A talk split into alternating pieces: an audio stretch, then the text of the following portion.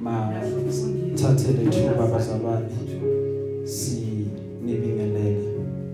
Ngelihle igama lika Jesu. Amen. Amen.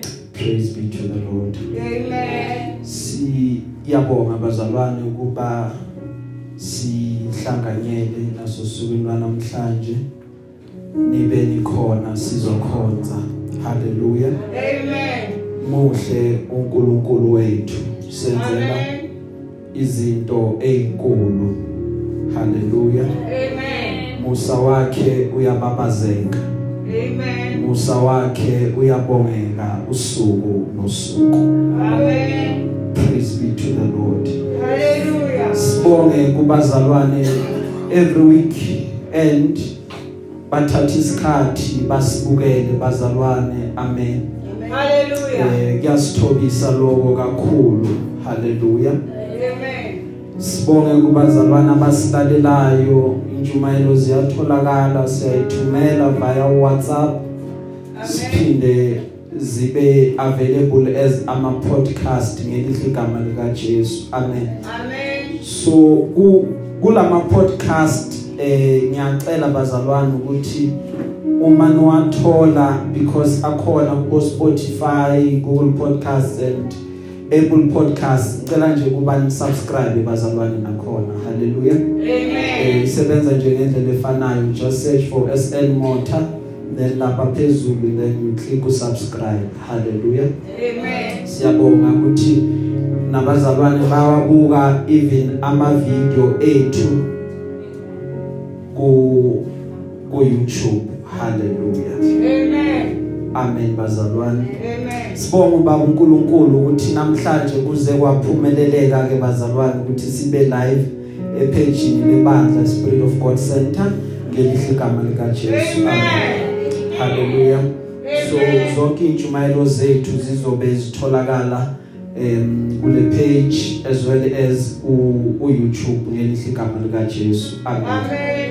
emabhayibhelini ethu sifunda incwadi yezaga the book of proverbs chapter 30 sifunda from verse 7 to verse 9 hallelujah. Amen. the book of proverbs chapter 30 sifunda verse 7 to verse 9 eh kunezwi nje inkosi elibekile.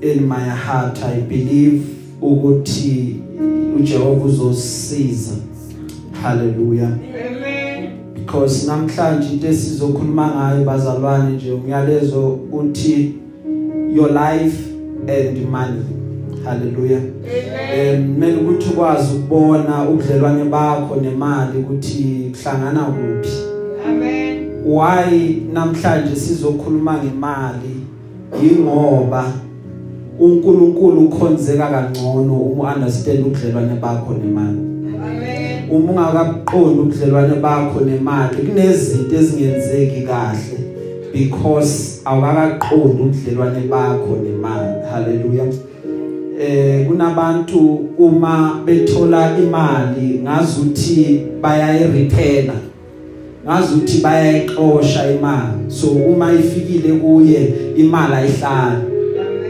Haleluya kanti umuntu kumele kuba abe imagnet yemali akwazi ukuba ayigcine imali ayilondoloze.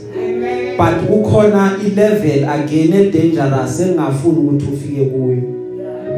Haleluya because siphila nje you find ukuthi into esigijimisayo what you are after wonke umuntu ufuna imali. That's why noma bekhuluma bathi abantu angeke bakuthande bonke awusiyimali Amen. because everyone is after imali. Wonke umuntu uthi uma ngingayithola. Nomunye umngani bekathi uma ekhuluma athi yabo mangabambi lotho hayi inkinga zami zonke ingaphela bese abuye futhi athi kodwa inkinga yami yinye nje. Ukuba ngidlala haleluya. Praise be to the lord Amen. siyafunda the book of proverbs chapter 30 verses 7 to verse 9 in english it reads as follows oh god I beg two favors from you. Let me have them before I die. First, help me never to tell a lie. Second, give me neither poverty nor riches. Give me just enough to satisfy my needs. For if I grow rich, I may deny you and say, Who is the Lord? And if I am too poor, I may steal and thus insult God's holy name. Hallelujah. Amen. ngesiswati nifunde ngalendlela Ticelo tami timbili uNkulunkulu lengicela ukuthi ungiphe ngisengakafi. Ngisinze ekukhulumeni emanga buphuya nobunjinga ungangiphi. Kodwa umane ungiphe lengidzingayo. Nangingaba nako kube kunyenti ngahle ngicabange ukuthi wena ngisakudzinga ngithi made ngithi ngibani yena lo simakazi? Noma ke nangingaba luphuya ngahle ngebe. Ngaloko ngihlazise uNkulunkulu wami. Haleluya Amen. sizovana namehlo nanti baba livela kuwe linguwe liyaphila. Khuluma ngalo kule ntambama namhlanje khazimulisa uJesu Kristu lo inkosi yethu. Ibandla lonke lithi amen. Praise the lord. Uthi ubhalwe eBhayibheli inkosi angicela izinto eziningi. Zimbili the only two favors. Kose ngicela kuwe cela ukuba ungiphe lezi zinto ngaphambi kokuba ngife. Okokuqala first thing siza mina. Ukuba ngingawakhulumi amanga. Baningi abantu bayaphila namhlanje. Inkinga yabo yinye abaphili iqiniso. Impilo zabo zingamanga. Kuthi angithi amanga wakhulumi kuphela ngomlomo. Nangezenzo zakho uyakwazi ukwenza kubonisa ukuthi le uyenzile amanga nje. Lento engiyikhulumayo umuntu ke yenza into athi ah loke amanga. Yabona namhlanje bengithi ngiyapheka ngavele nje ngapheka ama angazi kwenzakaleni haleluya uthi ubhala iBhayibheli isiza mina ngosokokuqala ngawakhuluma amanga ngoba uma ukhulume amanga kumele ukuba uhlala ukhumbula njalo.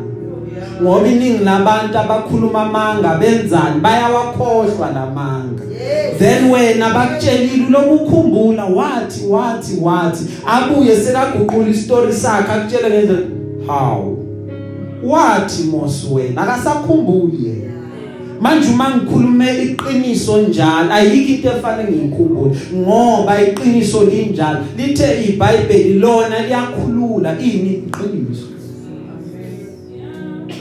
amen Hallelujah. so empilweni yami mangawakhulumi amanga. Because into nento esibambayo sibanjwa ukuthi sihambe sahamba sakhuluma amanga ngoba sicabanga ukuthi abantu abazukusamkela uma sebaze iqiniso lethu so zathi alimbozwe iqiniso lethu kanti siyayibulala Amen. that's the first thing Hallelujah. uthi okwesibili siza mina nkosi. Ungangiphi ubunjinga ngangiphi ukuceba Hallelujah. uphinde futhi ungangiphi ubumpofu Hey. asihlupheki bazalwane sihluphekele inkosi Amen. sihlupheka ngokweinkinga ezikhona ama challenges Yeah. not financial uthi mina vele ngisiaramsa kaJehova Amen. uma ngibuke ikhwameni ikhwama zinalutho Nkosi yami. cha asikwenzi lo yingani singakwenzi lo yingani kungamele kube njalo Nkosi yami. uyasho umbhalo weBhayibheli masiqale la uthi inkosi ngicela ukuba wenze lo yamthandazo wathandazwa uJesu uma abafundi bembuza ukuthi Jesu masithandaza sithini uthi nithi baba siphe namhlanje sinkwa sethu semihla ngemihla Amen. so uthi inkosi ngicela ukuba ungiphe lokho ku enough to satisfy all my needs Amen. haleluya ngoba ngoba kunenkinga uma ngingaceba kakhulu. Uma ngagcwala amaphakethe kakhulu kuyoba nenkinga. Ngoba ngiyothi uma sengisuthi bese ngiyabuza ukuthi uphi ke ubani kan lo nkulunkulu? Uphi yena? Ngimdingi ngoba ubunjinga nabo buba nenkinga benza abantu bamkhohle uNkulunkulu.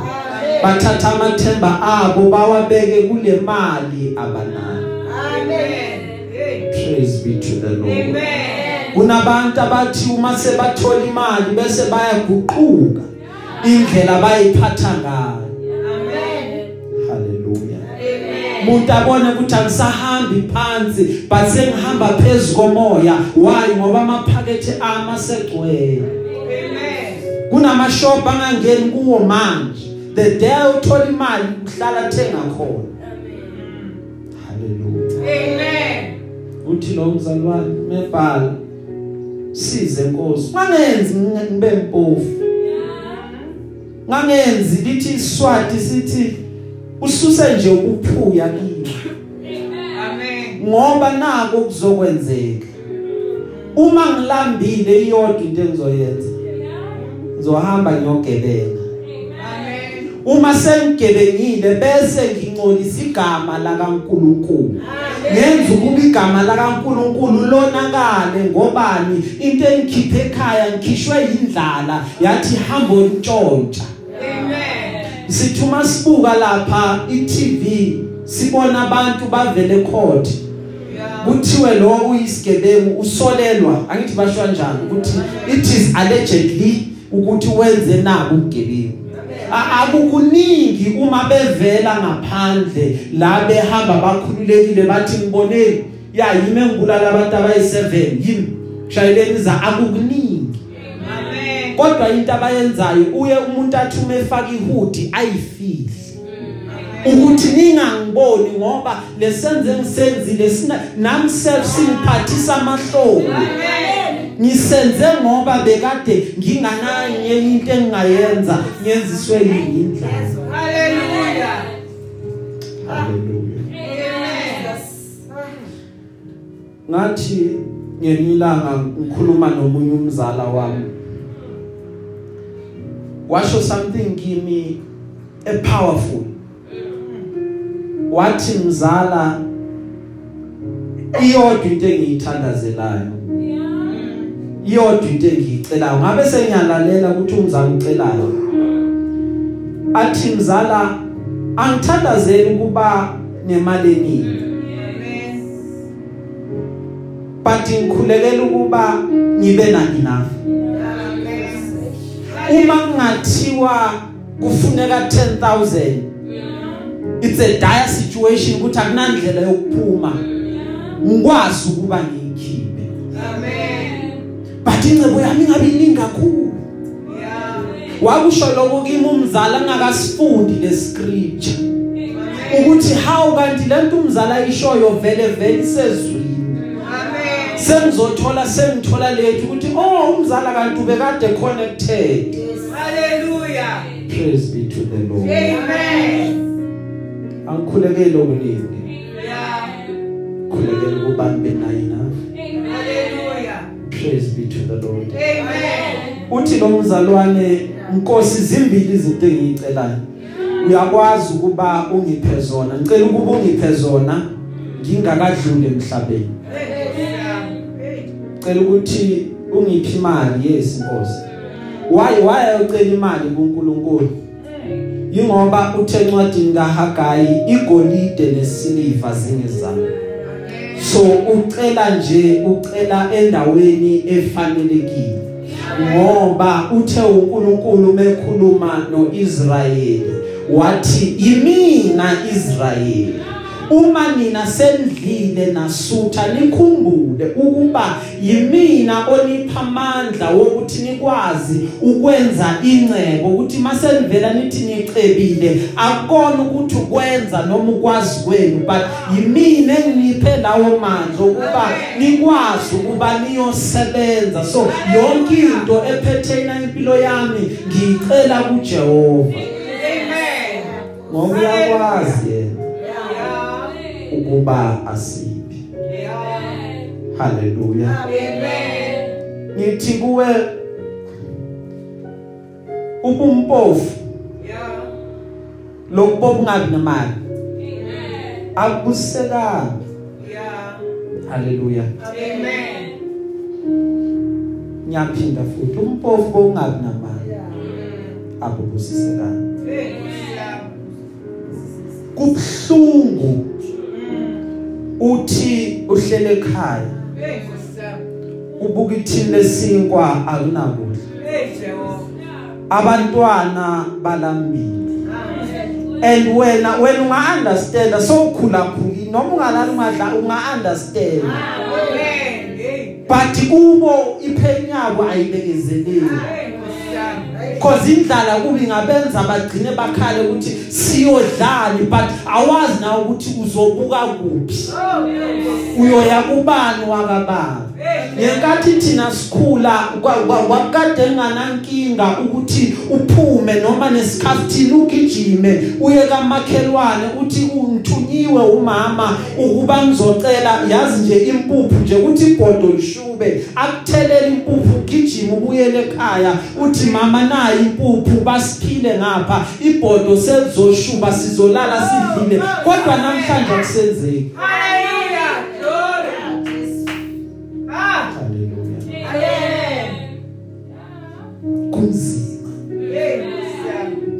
And the even the most shocking thing ukuthi uma sihamba sifika ezitoro eh, ngaye ngathi ngiyothenga inyama.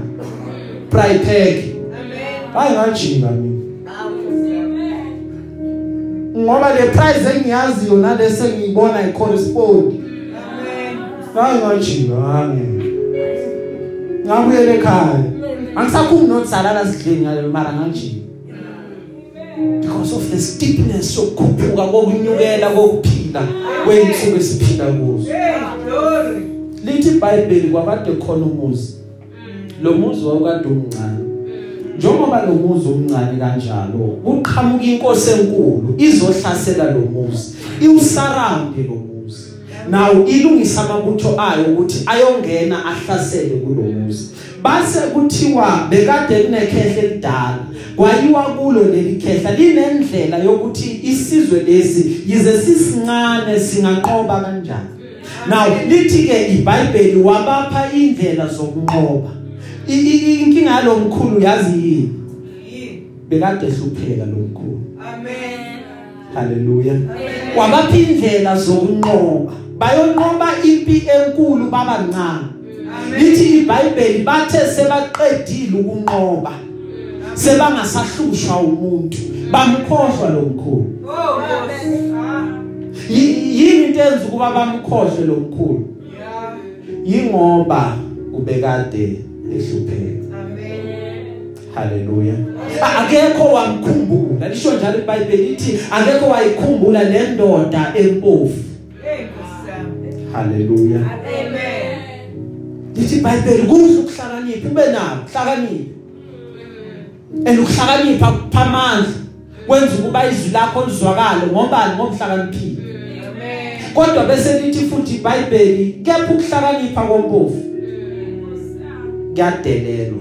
Ah, namazwi akhe awezwakala because abantu ba- bayakuweka bayakala ukuthi ukhuluma nje unani. Akusiwo wonke umuntu okwazi ukukhuluma empilweni Ah, yakhe. Hallelujah. ukhuluma nje unani. Hey, Nkosi yami. No noma uze nayo wisdom ekhaliphile ngayiguqula impilo yami. Ngiyakuzwa ukuthi mara ukhuluma nani Hawu Nkosi yami. angisho angisho uJobe uthi uma ekhuluma ngenkathi konke kungihambela kahle. Ngangikade ngibizwa kuthiwe na indoda efanele ukulalela. Nginikezwe iplatform bathule bonke balalele ukuthi usiphatheleni ubaba. Usitshela ukuthi impilo zethu zoguquka kanjani. Amen. But uthi the day sengishayela Ah, Nkosi the yami. day sekuhambe konke Amen. uthi uJob uma ekhuluma akekho noyiwani Hey Nkosi yami. bekafuna ukungilalela Ah. ngoba kakade vela amazwi omuntu ompofu awezwakala Hawu Nkosi yami. praise the lord Amen. uJesu ngelinye ilanga uyahamba uyohlala ubukela abantu baletha umnikelo. Amen. uma beza bezonikela bayafika bayanikela. Kuza loya uzonikela kuza loya uzonikela. Bonke bakhiphe emaphaketheni abo bayanikela. But attention kaJesu iba drawn into owesifazane. Lithi iBhayibheli bekade sekhulile umfelokazi. Lithi iBhayibheli bangaphethanga imali eningi. Ngiyacabanga ukuthi bengagcokanga even nengubo engathi ziyabiza. Uma efika lo wesifazane lithi iBhayibheli bekade phethe amacoin amabili nje kuphela. Wathatha lawo macoin wazonikela ngawo. Bese uJesu biza abafundi bakhe ukuthi sondelani la. Yimuphi onikele kakhulu kulabo? Ngiyacabanga ukuthi abafundi bebangasho ukuthi hayi yiloya lo ngimbonile afaka 5000 ngimbonile loya afaka 200 uyibonile mara ukhiphe nje suitcase wafaka Amen. but uthi uJesu cha Hallelujah. onikele kakhulu Amen. ilo mama usekhulile Hallelujah. ngoba bonke laba abanye labathathe khona Yeah. bathathe from iabundance yabo kepha yena uthathe kuloku okuncane bekaphila ngako wathi ngonikela ngakho Hallelujah. Glory, glory. Hallelujah. haleluya Amen. lithi iBhayibheli lo obuthakathaka Yeah. akathi ngiqhawe Amen. lo obuthakathaka Yeah. akathi mina bandla Amen. lo ompofu Yeah. Akathi ngicebile Yeah. why iBhayibheli ngathanga ithi ngimpofu Hey, Nkosi yami. haleluya Amen. ingoba Yeah. kunendoda eyalenga emnqamlezweni Hallelujah. yathatha ubumpofu bethu Yeah. yasenza thina sacela Amen. so asikwazi ukuba siqhubeke sibe mpofu ngoba uma sinaye sicebile Hallelujah. athi ohlabelela icilongo ngicebile kakhulu Jesu waxa ukini Hey, Nkosi yami. praise the lord Amen. impilo Yeah. uma yakhiwa Yeah. number 1 life needs money ukuqala lokho Amen. okwesibili into ezokusiza ezweni lakamoya because imali imali is not only physical bazalwane imali is also spiritual. Amen. hallelujah. Imali iba spiritual kanjani? Money is in the physical. Yeah. what faith is in the spiritual? Ngiyaphinda futhi. Money is what? Money is in the physical. What faith is in the spiritual? Lokho kwazi ukwenza ngemali kubonwa uthenga wenze konke. Yiloko kwazi ukwenza ngokukholwa kuloko okungabonakala noma okungabona so imali nokukholwa zi occupy a same position.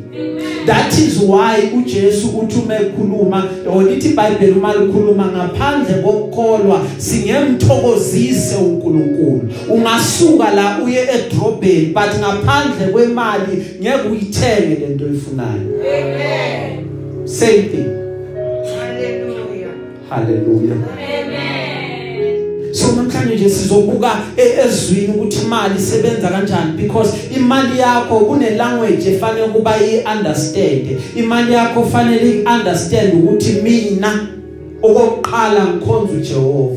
Number 2 nawe mali yami uyokuba isikhonzi saka Jehova ngoba imali you command it it's a commodity. Okwazi ukuthi wena ngiyakuthuma lapha hamba ungilandela nabo. Amen. Haleluya so imali yakho fanele kuba ikhonze nje ungenzi ukuthi uyakhonza wena but imali yakho ayikhonzi. Amen. amen. Hallelujah. ekhaya lika Isaka Yeah. bekade kuhlela amadodana amabili uEsau noJakobe. Lithi iBhayibheli ngelinye ilanga wabuya uEsau akuyozingela uma ebuya uEsau uyozingela lithi iBhayibheli bekade lambile. Umelambile wathi mfowethu ngicela ungiphe lokudla okudlayo wathi uJakobe hayi ngizokupha mfowethu. Kepha nje ngithengisela ubuzimo lobaba Amen. wathi avele sengiyafa vele so thathe kuyongisiza ngani? Wathi funga mfowethu ukuthi uyamnika ubuzimlo bakho manje sekwenzeka iexchange sekuba yimi firstborn. Wathi it's fine sekuyi firstborn unike ukudla ngidla Amen. Wathatha ukudla wadla kanti sekwenzeke ini iexchange. So kunabantu ngenxa yenidi yesidingo abasuke sebathengisa ngobuzimlo babo ngenxa yani yendlala esikhashana so angifuni ukuthi nawe ugcine sewuyithola sewulapho because kuningi okungonakala empilweni yakho.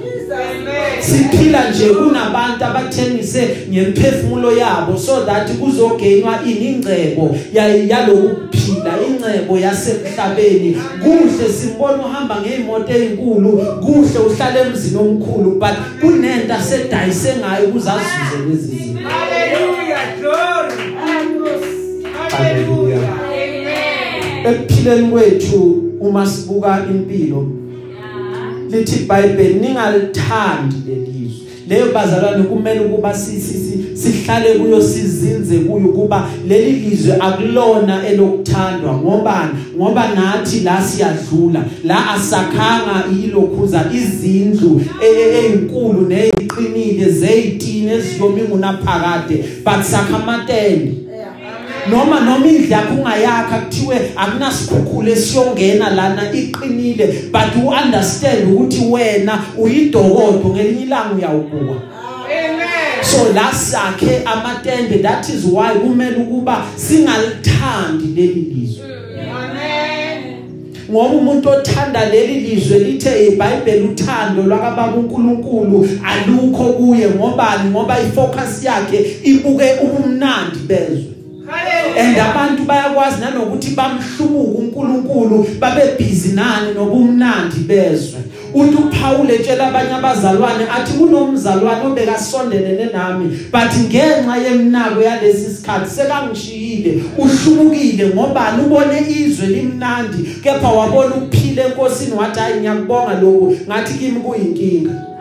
But uPaul wathi ngiyoqhubeka kuze kube sekugcineni. Ngoba ngoba ngithandi lizwe Amen.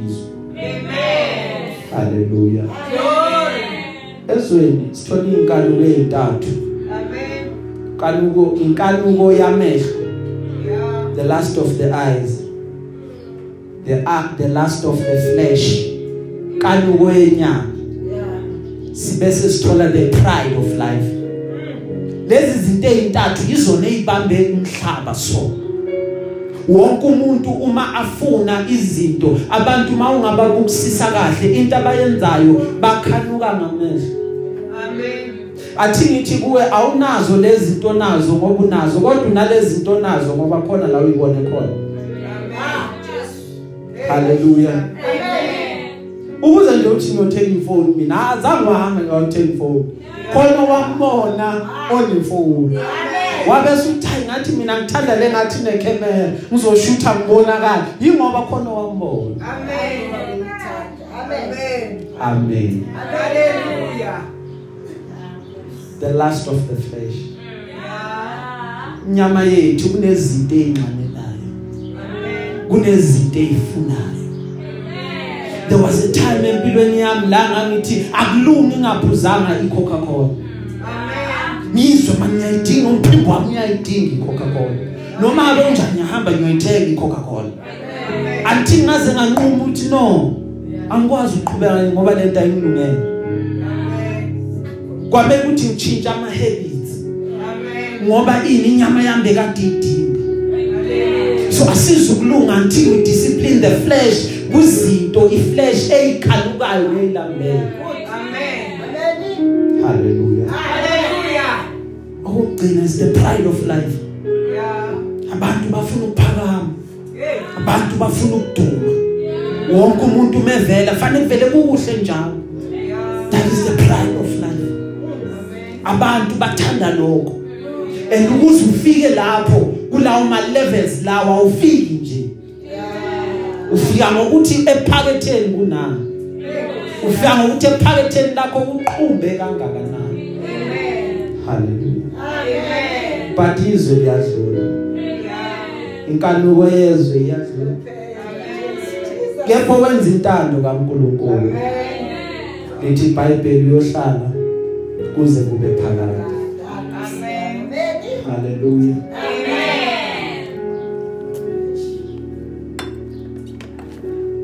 Siyayidinga imali yes that's a given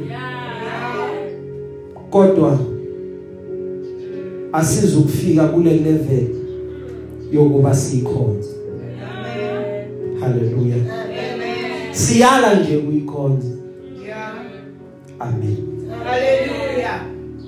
Uthi uPaul umebhala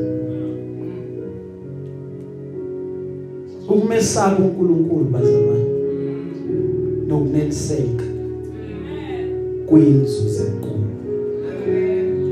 Impilo yakhe ayizukulunga. Impilo yakhe ayizukuphelela until ube satisfied. Ungahamba uyigijimisa imali. Ngayenza yonke imisebenzi ongayenza. Until you reach satisfaction impilo yakho ayizukulunga haleluya izinto efanele sijabulele nazi uma sinophahla lokufihla inhloko uma sineyimbatho sineyingubo esiyakuyigcoka uma sinokudla esiyokudla.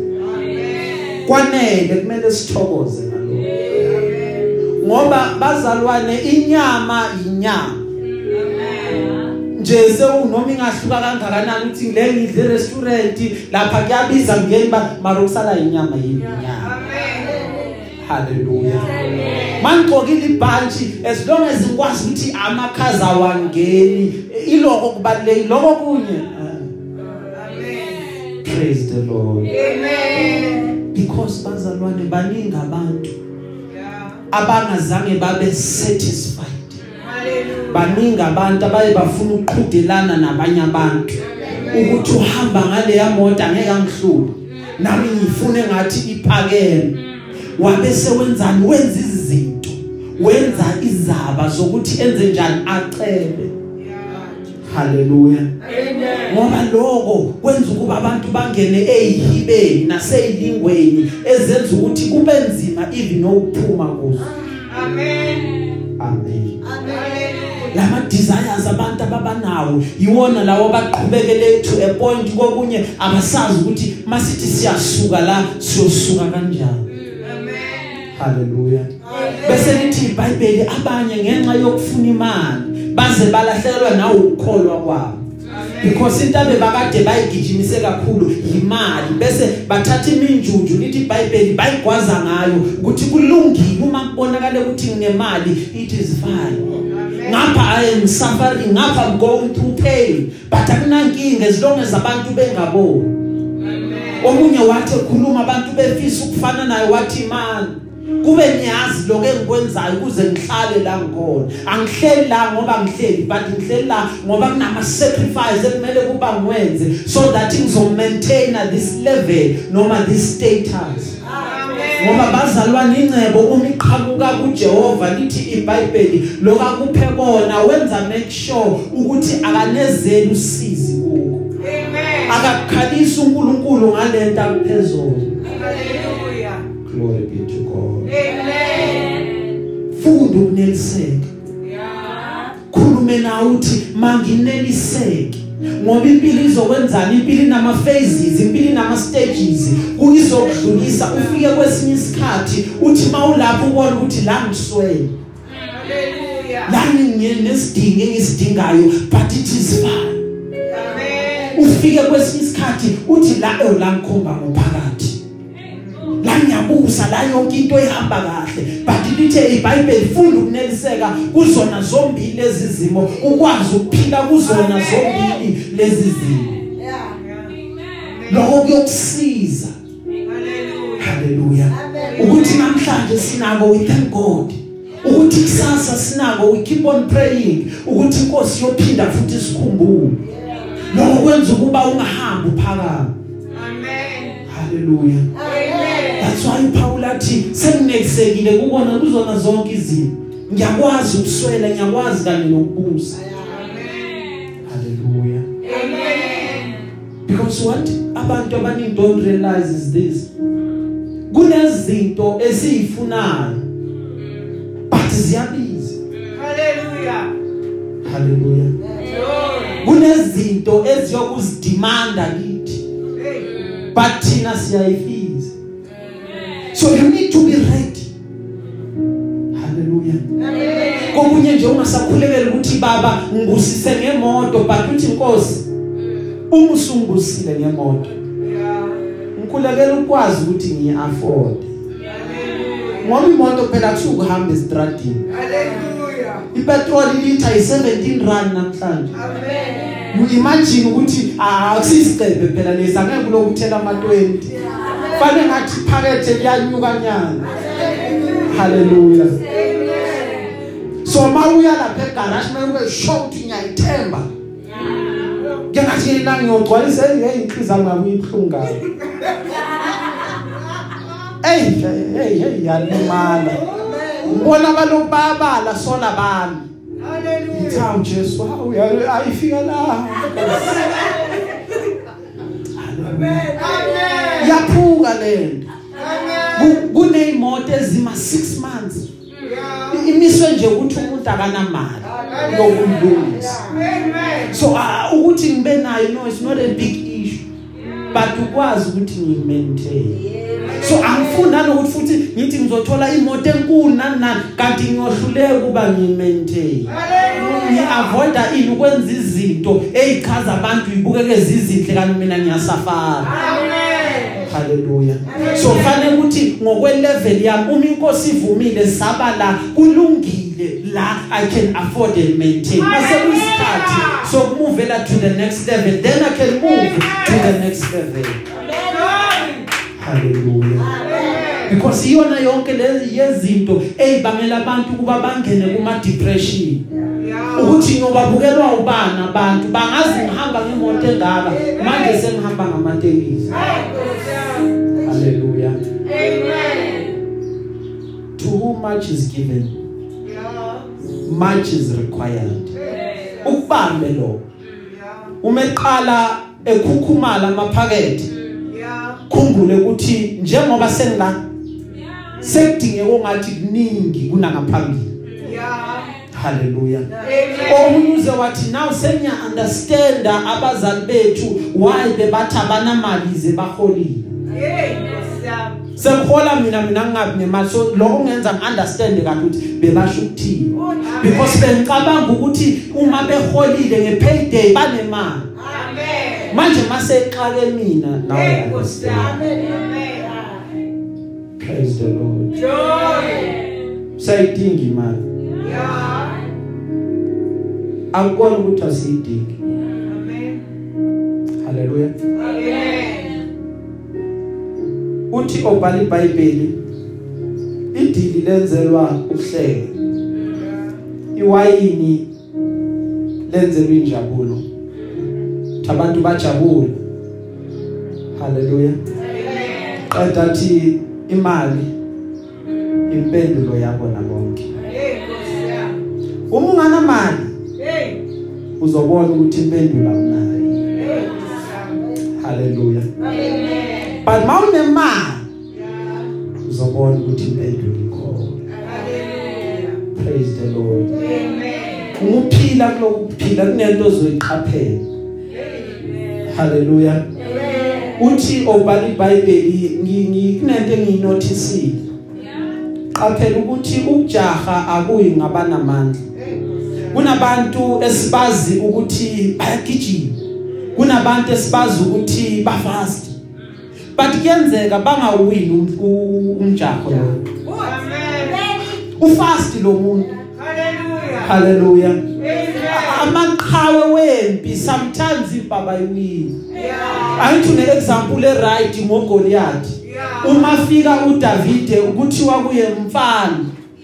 Le ndoda kusukela ekuncaneni yayikade iqhawe le. Amen. Awuzukwazi ukuba uyinqobe lempi. Hallelujah. Hallelujah. Amen. But wanqoba uDavide ngoba engaze angazizeli nje eze ngegama lika Jehova esemtshelile uGoliath ukuthi wena uza kimi ngenkemba but mina ngiza kuwe ngiphethe igama and igama lakhe liyanqoba wanqoba Hallelujah. ngoba amaqhawe wempa kusho ukuthi awuhlala wina njalo Amen. haleluya Amen. dithi iBhayibheli nabadlali Yeah. Nabathola isinkwa Yeah. akuyi ngokuthi uhlakaniphile namhlanje uzodla Amen. baningi abantu na uyabazi Yeah. bastrugglisha mara bahlakaniphile Amen. izinto abazenzayo uyabo eh lo muntu angaya kude Amen. bakuyenzeka la langadlala Yeah. haleluya Amen. bese lithi iBhayibheli even laba ba skillful Yeah. akusho ukuthi bazocela Yeah.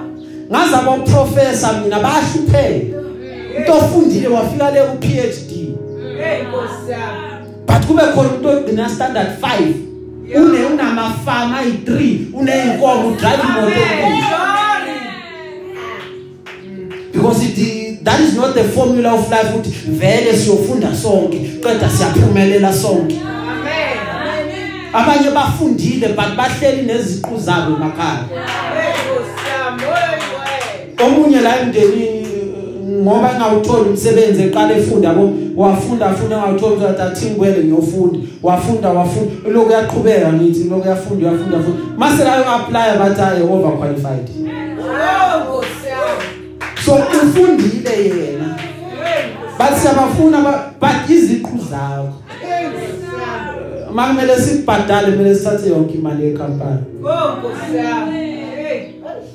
so being educated doesn't mean ukuthi umuntu will lead a successful life and kubhlungu because uma uzofaila ngapha ufundile ufail empilweni uyayibuza uzubona ngazi ukuthi wena uyisidom Amen. ukuthi ngifail kanjani ngifundile Yeah. because impilo nesikole ayifani ungaphasa esikolweni ufail empilweni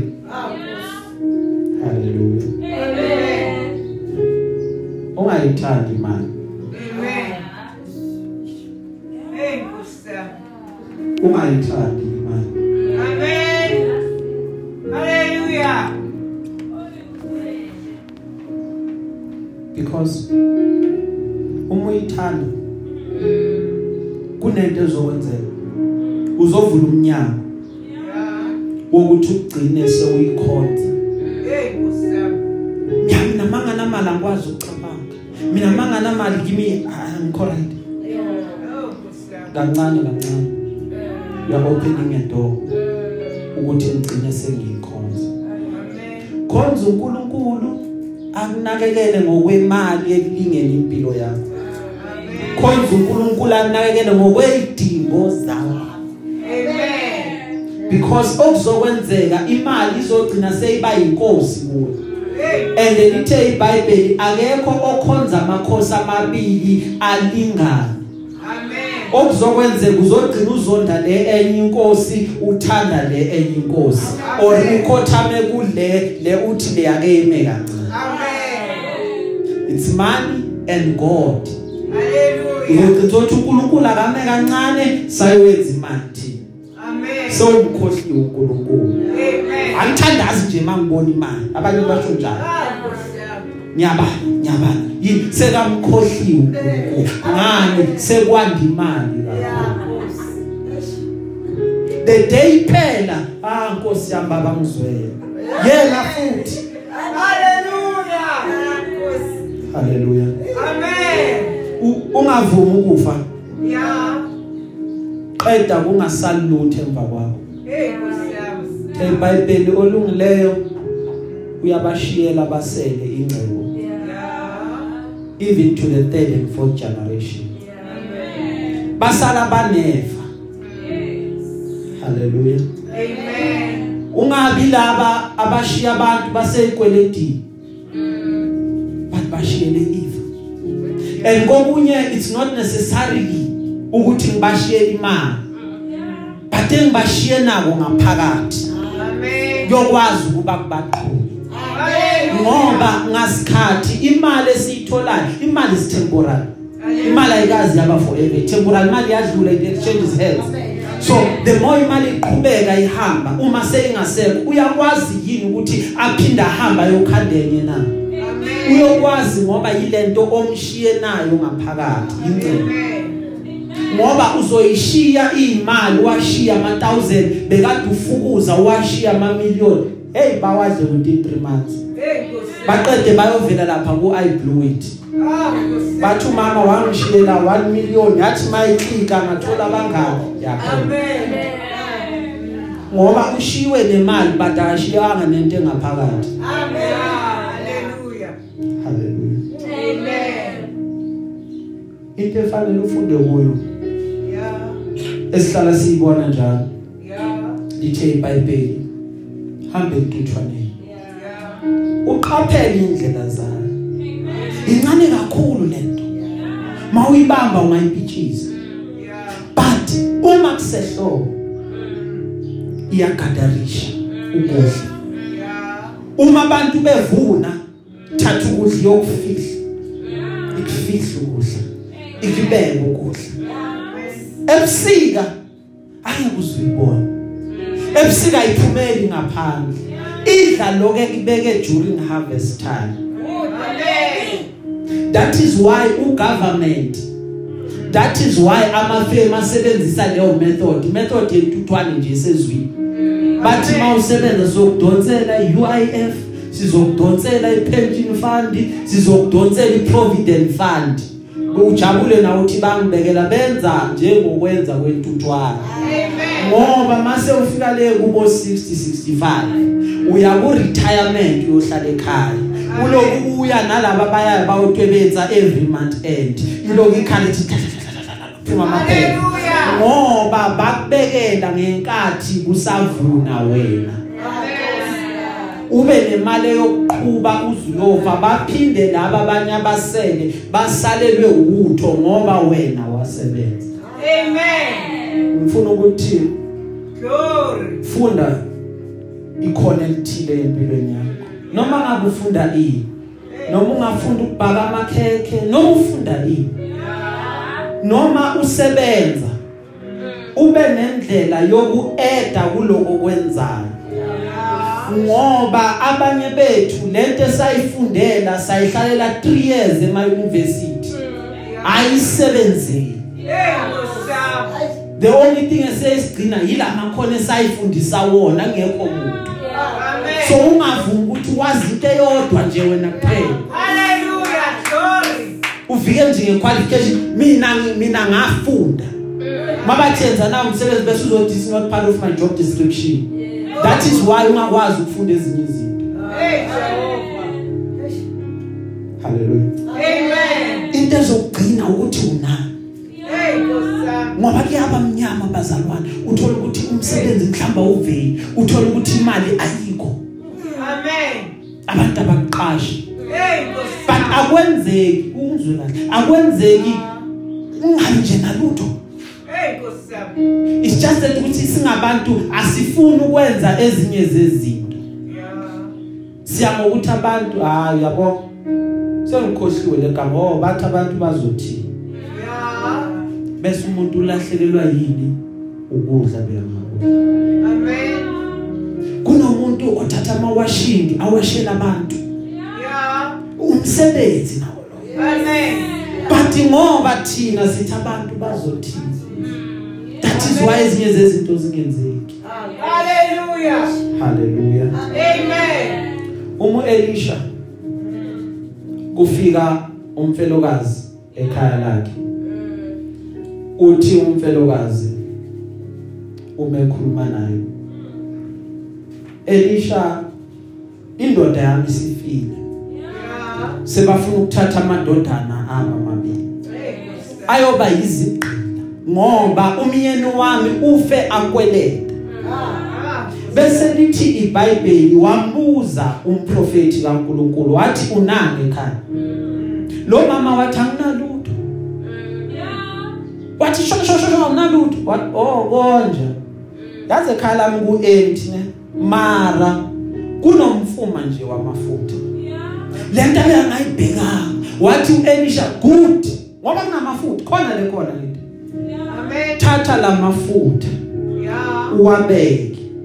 Ungene kubo makhelwane uboleka izitshe zingabi ingcosana uboleka izitshe eziningi. Wangena lo mama house to house. Bese lithi iBhayibheli "Ah, uthathe lamafutha uwathele kulezi wawathela zagcwala izitsha zagcwala izitsha. Abafana bawavala le- le- lezitshe ezigcwele bese lithi iBhayibheli wathi ngilethelene esinye isitsha bathi azisekho ezinye izitsha. Bese lithi iBhayibheli amafutha wanqamuka. Amen. uma amafutha sewanqamukile wabuyela kumprofeti wathi ngikwenzile lokho othe ngikwenza. Wathi good.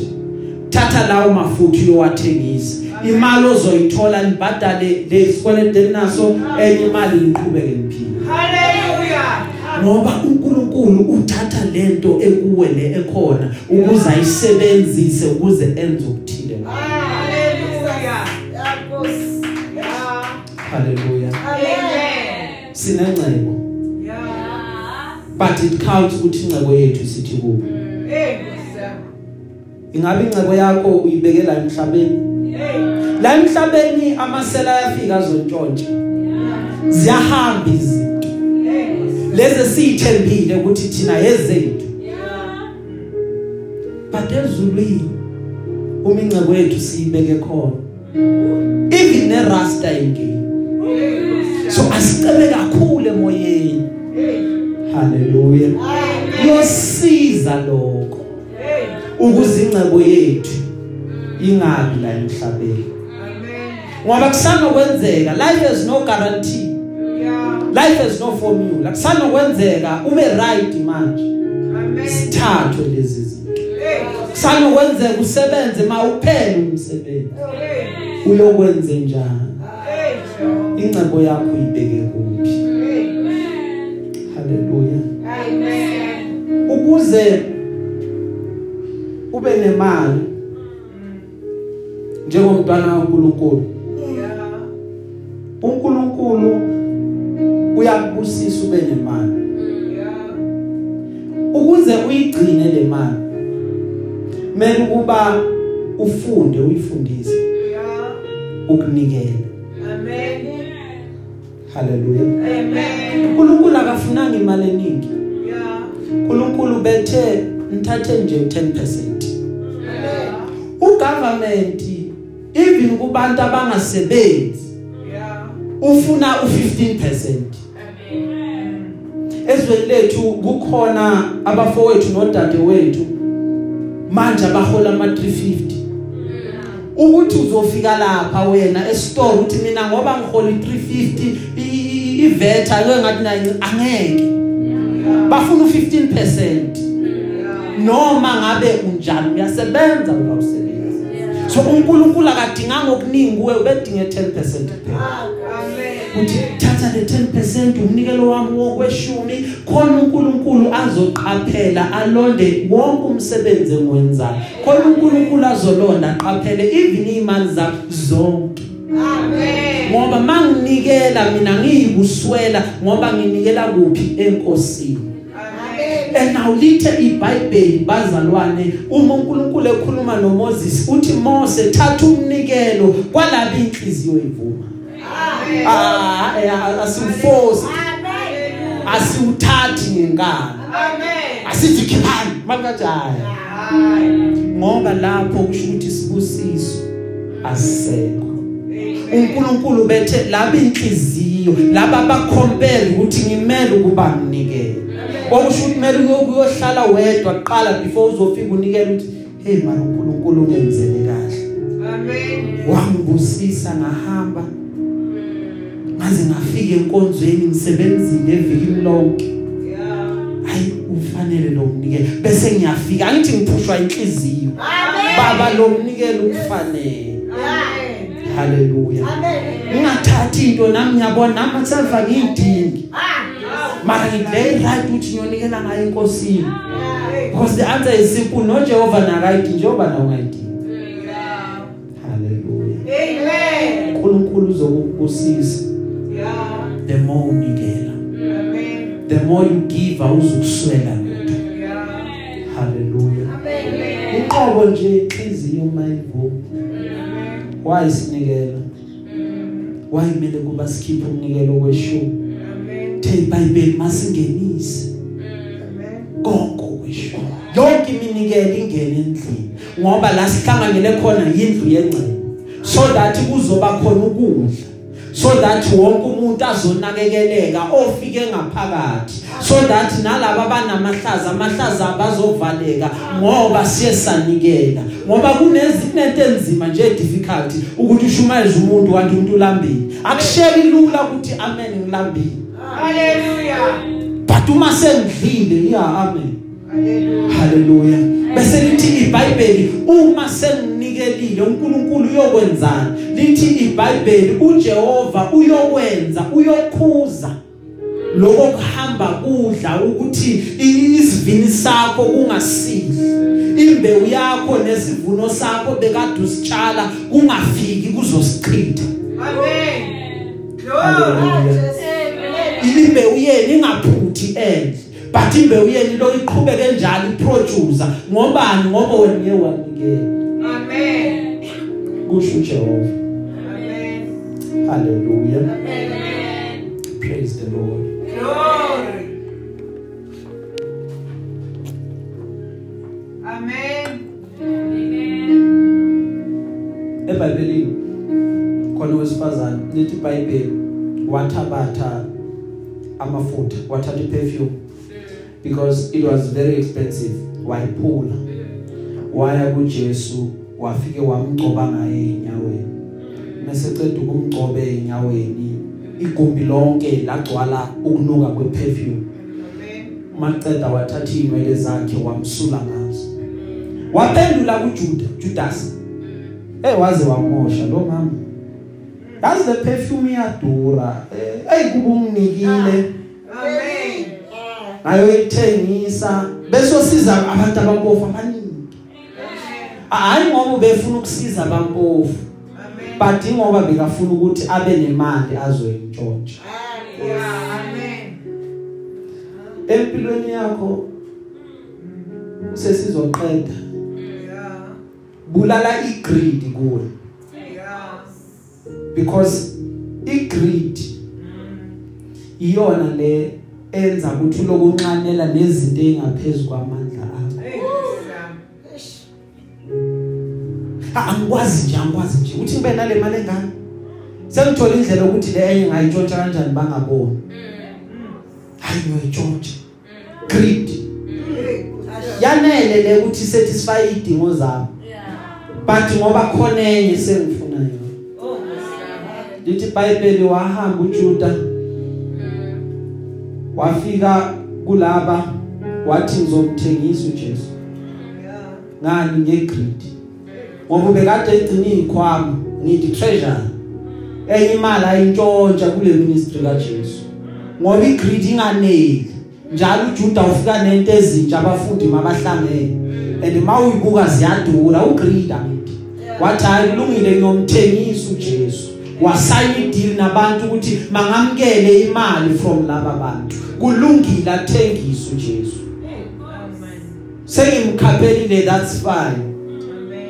Amen. but lithi iBhayibheli wagcina sekayisola ngoba wonke umuntu ohambe wahamba waba negreed ugcina sekayisola that's why fanele ukuthi waneliseke ngaloko kutholile Amen. uyaneliseka qeda usebenzela ukukhula from lapho uqhubeka uye phambili haleluya Amen. amen bazalwane Amen. angithi imali imali is very powerful it's a very powerful agent lithi iBhayibheli bathi sebangasasithola isidumbu saka Jesu babadala amasosha bathi nina nithi abafundi bakhe bazile bazomtshontsha babaleka lesidumbu eshilo yena ukuthi uvukile nabo bazivile la ukuthi uvukile. But ngoba babanikeza imali eningi bathi okay hasi ayithulela nje thina.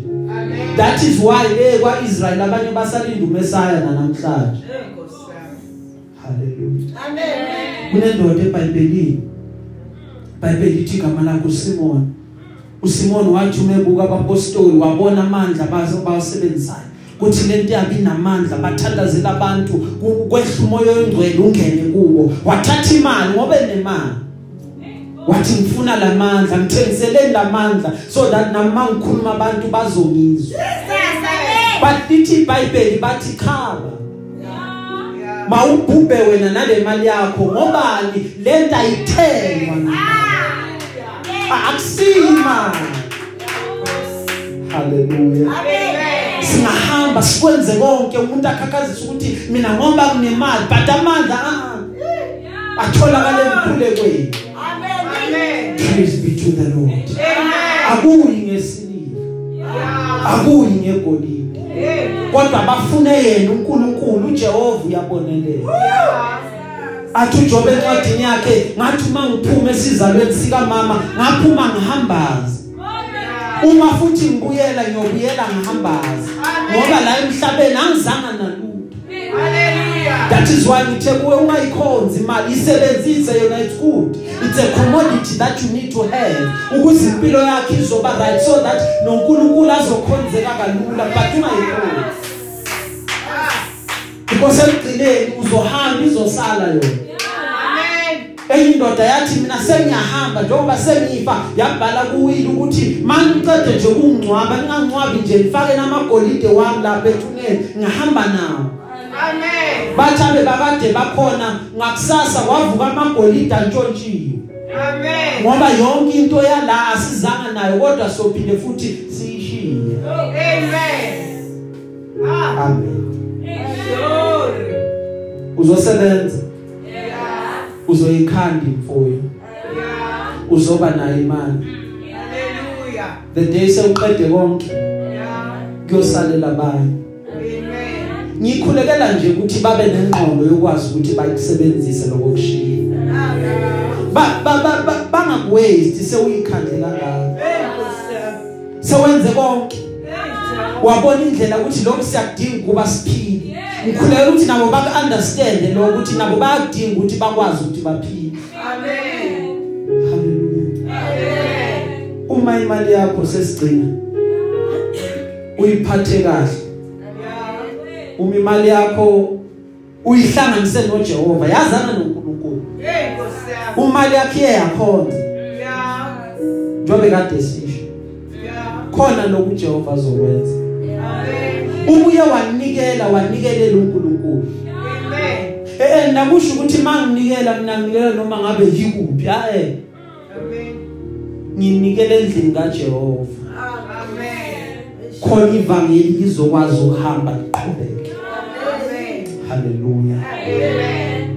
uma sekwenzile lokho uJehova nayo into azoyenza Hallelujah. uyakuvulela indlu yakhe yonke yengcebo Yeah. Indlu yakhe yini? Izulu Amen. uyakuvulela amazulu. Hallelujah. akuvulele amasango ezulu. Bese lithi iBhayibheli anise imvula yakhe. Ayinise ngesikhathi sayo ukuthi right now isikhathi sokuthi imvula ina. Qeda bese imvula iyana ngesikhathi sayo. uJehova aphinde abusise umsebenzi wezandla zakho. Bese wena uyakwazi ukuba utsheleke izizwe eziningi mawuqeda ungaboleki ngisho nokodwa kuzo Amen. ngeke ustruggle lapho uyanikela Hallelujah. uNkulunkulu osezulwini uyovula amafasitela ezulu akunethisele ngesibusiso bese lithi iBhayibheli siyodwala bese siyachichima ngoba uyakwazi ukuthi ngize enkosini nemali yami Amen. praise the lord Hallelujah. How do you borrow? How do you lend to many and borrow from none? Is the philosophy esetshenziswa amabhenki. Mawufika lapha ibank phela izikweti eh ngizoboleka i2000 uzayibuyisa ha? But uwe osuka uye ebhanka yize wazi imali yakho ukuthi iyazana interest. Yeah. Ufike uyithathe. So ibank yenzani? Is borrowing to many. And njengoba seyiboleka abantu 5 million 2 million 2000 250 ayiwe Amen. haleluya iyaqhubeka image mina lo ngiyabhadala namba noma abantu fake emagcwetheni ukuthi anibhadalanga mari ibank lokho eqhubeka njalo yami? Amen. that is the philosophy God had for us. Amen. ukuthi siyokwazi ukuba sitsheleke abaningi is the same thing enziwa eChina manje across most of our countries and more especially Africa Africa is rich with resources but kufika iChina izoboleka iAfrica imali Amen. ibaboleka amabhillion ithi thathani lamabhillion thathani yenzani yenzani it's because now sebangena kudile thile Amen. qeda ama China ayeza azogcwala la because angeke bakunika imali qeda bangageni Amen. njalo uma bekhiphile khona bafuna ukuthola Glory. Haleluya Amen. sesigcina Yeah. Jehova makakubusise Yeah. ezimalini zakho U- awuthi mawuyithola u- uyiqala uyikhulekele Yeah. baba siyabonga nayi ingenile uyithandazele Amen. siza mina ukuba ngiyisebenzise kahle Amen. bese usetha aside le umnikelo kaJehova before ubala zonke ezinye ze- le umnikelo kaJehova and uthembeke ekunikeleni kwakho Yeah. haleluya Amen. ungabi njengalabanye laba bahluphayo Amen. haleluya Amen. abazalwane bahlupha ngani noma enikela kule nyanga kwenzeka agule kabi mhlambe kuphela inyanga yabo agule kabi alala angasayi enkonzweni ansolungise konke ulungisa impahla zoke enkonzweni walungisa nomnikelo uyonikela enkonzweni. Amen. bese this week ungayi. Hayi next week uye. Mara lo mnikelo wa last week kule vika usele haleluya. Amen. so ungabi lo mzalwane unjani but be faithful in your giving. And ekunikeleni kwakho ukhulume noNkulunkulu. Baba nginikelela nje kuba ngikubona you will see God awuzukuswela wena ngoba enhlizweni yakho uqinile ukuthi baba ngiyanikela. And you command imali yakho hamba ongenzela lokho hamba ongilandela lokho then imali yakho listens to your voice it goes. Iyakulandela zonke lezi zinto ezidinga Amen. haleluya Glory. Nkosi yomusa inkusise Amen. Jehova nenze kahle. Amen. suku namhlanje sizogcina la amen Amen.